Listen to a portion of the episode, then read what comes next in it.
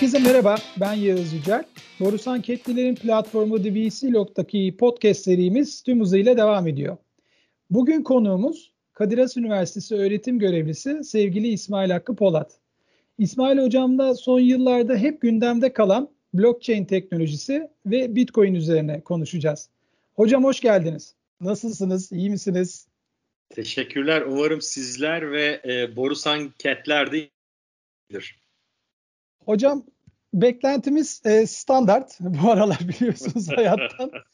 e, çok şükür ama her şey yolunda. E, sizinle bugün sağ olun tekrar bizi kırmadınız. E, merak edilen yani birçoğumuzun merak ettiği e, en iyi ben biliyorum diyenin bile aslında e, kısıtlı belki de e, bilgi sahibi oldu. E, kripto paralar, biraz blockchain teknolojisi, e, bitcoin onlar üzerine birazcık sohbet edelim e, istedik. E, ya çok e, global bir soruyla başlamak istiyorum ben müsaadenizle. Ya bu Bitcoin nereden geldi hocam? Ve e, bu global sorudan da e, biraz böyle şey e, ne denir? E, falcılık demek istemiyorum ama hani nereye gidiyor bu Bitcoin? Bitcoin nereye gidecek? Biraz da onu, onu e, ortaya bırakmak istiyorum soru olarak. Valla e, şu ana kadar e, bu e, işte Bitcoin'in ilk e, isminin ortaya atıldığı 2008'den bugüne kadar gelen, geçen 13 yıla işte 12,5-13 yıla baktığımızda hani Bitcoin'in nereden geldiğinin sorusu e, ya daha doğrusu bu sorunun cevabı gökten zembille inmiş olabilir diyorum ben. Çünkü e, hani şu anda e, şeyi bilirsin e, aslında hani siz de e, hep öyle yapıyorsunuz e, bir sistemi tasarlarken ilk baştan iyi tasarlarsan o hep böyle iyi gider. Üzerine bir şey koysan da işte etraftan saldırı olsa da şey olsa da falan filan hep iyi gider ve üzerine de iyi koyarsın. Yani hani iyi geliştirirsin, e, şey yaparsın. E, bu da böyle bir şey aslında. 2008 yılında işte ilk olarak bir makale olarak ortaya atılmış ama tabii hani böyle biraz da arkeolojisine bakarsak in, internetin çıkmadan önce hatta bilgisayarın ilk çıkışına dayanan böyle bir şifreleme teknolojileri üzerinden gelen de bir tarih öncesi dönemi var. Şey, Bitcoin'in miladını biz 2008 ya da 2009 olarak kabul edersek ama hani ilk e, şeyi e, ortaya çıkışı zaten işte 2008 yılındaki o meşhur e, Amerika'dan başlayıp bütün dünyayı kasıp kavuran e, bizi de teğet geçen e, şey e, krize e, küresel krizi e, söylüyorum. E, bu küresel kriz zamanında aslında insanların daha doğrusu bu işi tartışmak isteyenlerin temel sorusu şu. E, işte Amerikan Fed'ine bakıyorlar ya da işte dünyadaki parasal işleyişe bakıyorlar. Nasıl bir şey? E, dünyadaki herhangi bir parasal işleyişin merkez bankaları ya da bankacılık dışında herhangi bir şekilde işlemediği görülüyor. Fakat bu işleyişin de hep sorunlara neden olduğu e, gibi bir durum var. O yüzden de Hani bunlara karşı aslında e, bir şey getirmek, eleştiri getirmek amacıyla. Yani nedir? Şu anda işte Amerika'nın e, Merkez Bankası bakıyoruz. İşte bir kurul toplanıyor. O kurulun aldığı karara göre dünyanın parasal gidişatı şekilleniyor. Ya da işte e, işte şeyde 2008 yılında olduğu gibi işte ne yapıyorlar? E, bir bankalar e, fonlarla bilmem nelerle istediği gibi istediği riskleri alıyorlar. Emeklilik fonlarını Oradan oraya o türev araçlarını bilmem neye getiriyorlar. Ondan sonra da onun faturasını kim ödüyor? İşte para basıyorlar. Ee, şeyleri ödüyor. O ülkenin yurttaşları ödüyor. Vergi mükellefleri ödüyor ve ondan sonra enflasyon olarak ihraç ediliyor. Hep birlikte bütün dünya olarak ödüyoruz. Şimdi buradaki temel soru şeydi zaten. Acaba para eğer devletlerle toplum arasında yani bireyler ve devletler arasında bir toplumsal sözleşme mutabakatsa bu mutabakata kuralları önceden belirlemek kaydıyla bu konsensüse acaba hani şeyleri karar vericileri devreden çıkartarak bunu bir yazılım bir kod üzerinden kurallar manzumesine nasıl dönüştürürüz ve ondan sonra bu kendi kendine nasıl çalışır? İşte bir sene bunun tartışması yapılmış. 2009 yılında da Bitcoin adıyla ilk örneğiyle piyasaya sürülmüş zaten. O zamandan bu zamana tamamen kendi koduyla çalıştığı için de işte 2000 e, 9 ile 13 arası işte 1000 dolara kadar çıkıp sonra 100 dolarlara inme. Sonra 13 ile 17 arasında 20 bin dolarlara kadar çıkma. Sonra işte 2018'de 3 bin dolara inme. Şu anda da işte e, yeniden eski rekorunu tazeleyip 20 bin doları tazeleyip e, işte 3 aydan biri de 50-60 bin dolarlar e, seviyesinde şey yapıyor. En temelde e, bu kadar uzattıktan sonra şunu söylemek lazım. E, kendi kurallarına göre dünyada 11 bini aşkın 109 ülkede 11 bini aşkın bağımsız sunucuda çalışan ve şu anda bu kodu yazan kişi ya da kişilerin bile müdahale edemeyeceği bu 11 bin tane bilgisayara e, bir yazılım. Bu kurallara uyanlar bu sistemin içinde kalıyorlar. Uymayanlar ise sistemin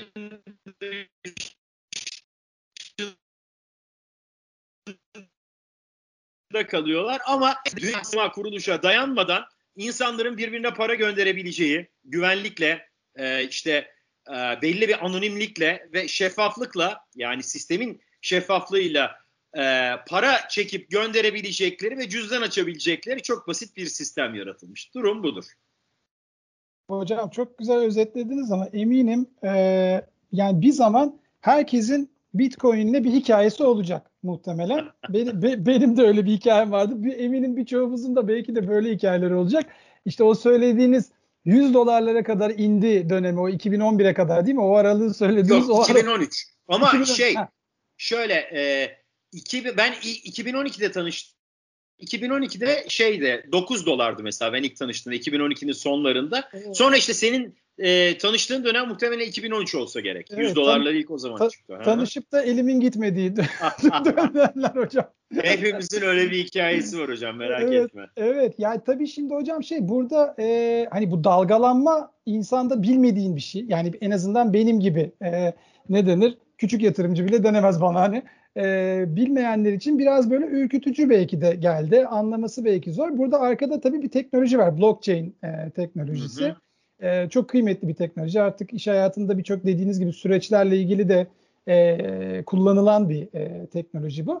Ve tabii Bitcoin'in peşinden de birçok şey e, geldi. Birçok farklı e, yazılım, e, birçok farklı e, birim daha geldi.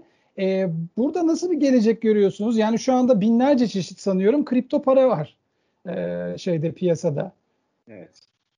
Ee, şimdi şöyle, e, tabii burada biraz Bitcoin ile blockchain arasındaki ilişki biraz e, yumurta tavuk ilişkisi e, misali.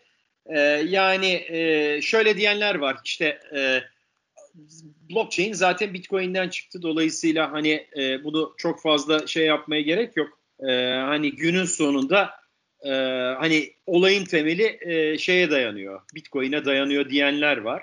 Ama onun yanı sıra e, hani Bitcoin'in e, öyle bir şeyi var ki e, ne derler pardon blok zincirin sadece para dışında kullanımları da var. Dolayısıyla hani sağlık bilgileri, işte kamu dairelerindeki tapular, e, işte araç ruhsatları, e, ne diyeyim, e, onun dışında güvene dayalı her türlü bilgi internet üzerinde blok zinciri üzerinden bir işleyişe kavuşturulabilir. Yani hani bunu şey yapayım, bunu söyleyeyim. Para da bunlardan bir Yani e, şimdi buradaki en önemli şey e, bütün bunların sonunda güven. Yani şu anda biz para için kime güveniyoruz? Bir defa parayı basan devlete güveniyoruz. İkincisi parayı saklamak ya da tutmak için bankalara güveniyoruz. Tapularımızı saklaması tutması için şeye güveniyoruz. E, tapu dairelerine güveniyoruz. E, herhangi bir durumda işte şarkı besteledik ya da bir fikir ürettik. Onun tescillenmesi, ruhsatlanması ya da patentlenmesi için notere güveniyoruz. İşte müzik birliklerine güveniyoruz. E, e patent dairesine, telif dairelerine, telif kuruluşlarına güveniyoruz. Güveniyoruz da güveniyoruz. Fakat Buradaki en büyük problem şu.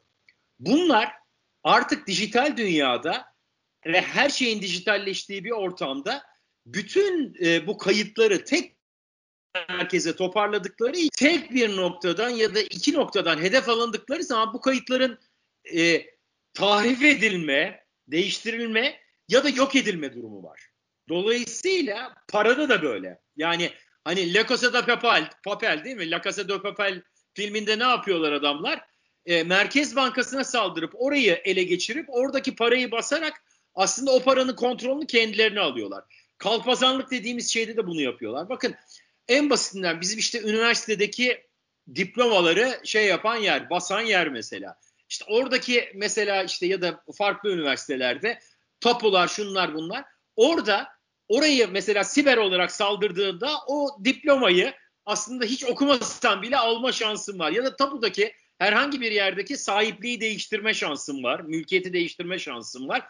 Ya da bunu yapamıyorsan bile oradaki herhangi bir e, şeyi e, ne bileyim kişi e, bir şekilde etkileyip e, işte şahsi ya da e, şey e, neydi maddi olarak etkileyip onları değiştirme şansın var.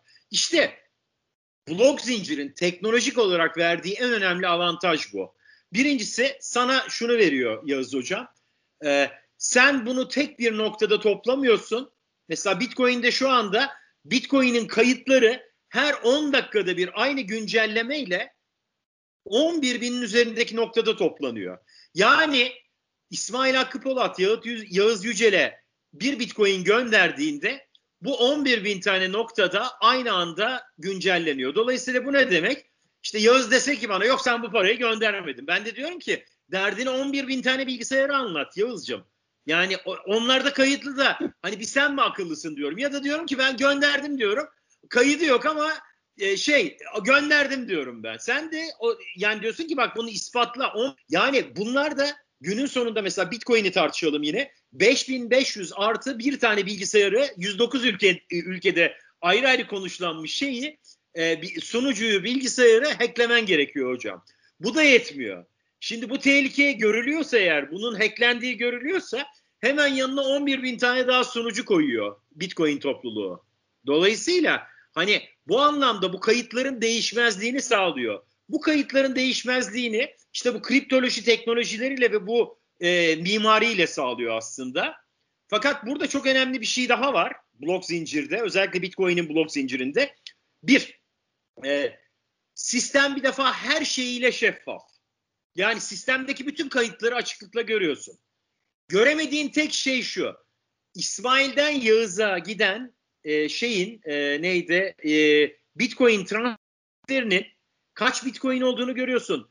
Hangi cüzdandan hangi cüzdana görüyorsun, olduğunu görüyorsun. Tek göremediğin şey o cüzdanın İsmail'e ve Yağız'a ait olduğu. Yani sen ve ben kendimizi deşifre etmiyorsak şayet e, hani e, biraz gülben ergenlik yapmıyorsak işte bu parayı ben gönderdim falan gibi bir şey yapmıyorsak o zaman zaten hiçbir şansı yok. Dolayısıyla e, şey e, neydi hani bu bağlamda e, şöyle söyleyeyim e, bu sağlık kayıtlarında da böyle kişilerin e, şey kayıtlarında da böyle bizim cüzdanlarımız var ama işte kan grubu işte ne bileyim 0 RH pozitif olan 55 e, yaşında bir erkek olarak kaydediyor beni. Hiçbir zaman için İsmail Hakkı Polat'ın işte 55 yaşındadır e, kan grubu 0 RH pozitiftir diye kaydetmiyor. Böylelikle aslında bireysel değil demografik veriler elde ediyorsun. Yani topluluğa ait verileri elde ediyorsun. Yani e, buralardan tabii kamusal olarak mesela çok bilgiler çıkar. Tabii bunların hangi kısmının özlük bilgisi, hangi kısmının kamusal bilgi olduğu da şu anda tartışılan şeyler. Dolayısıyla işte şirket olarak siz hangi bilgilerinizi açacaksınız mesela hangi bilgilerinizi özlük ya da mahrem bilgi olarak şey yapacaksınız. Bütün bunların inisiyatifi yine sizde olacak. Ama blok zincir bizim hayatımıza kişileri mahrem bırakan ama onun haricinde sistemin bütün işleyişindeki her şeyi şeffaflıkla görebileceğiniz, denetleyebileceğiniz, bu, bu anlamda hakkaniyeti sağlayabileceğiniz tüm bu işlemleri de belli bir kripto kriptografik güvenlikle yapabileceğiniz bir işleyiş olarak karşımızda ve internetin ilk dönemi eğer dijitalleşme ise, dijital dönüşümse ondan sonraki dönüşüm de blok zincir dönüşümü yani merkezsizleşme, dağıtıklaşma dönüşümü.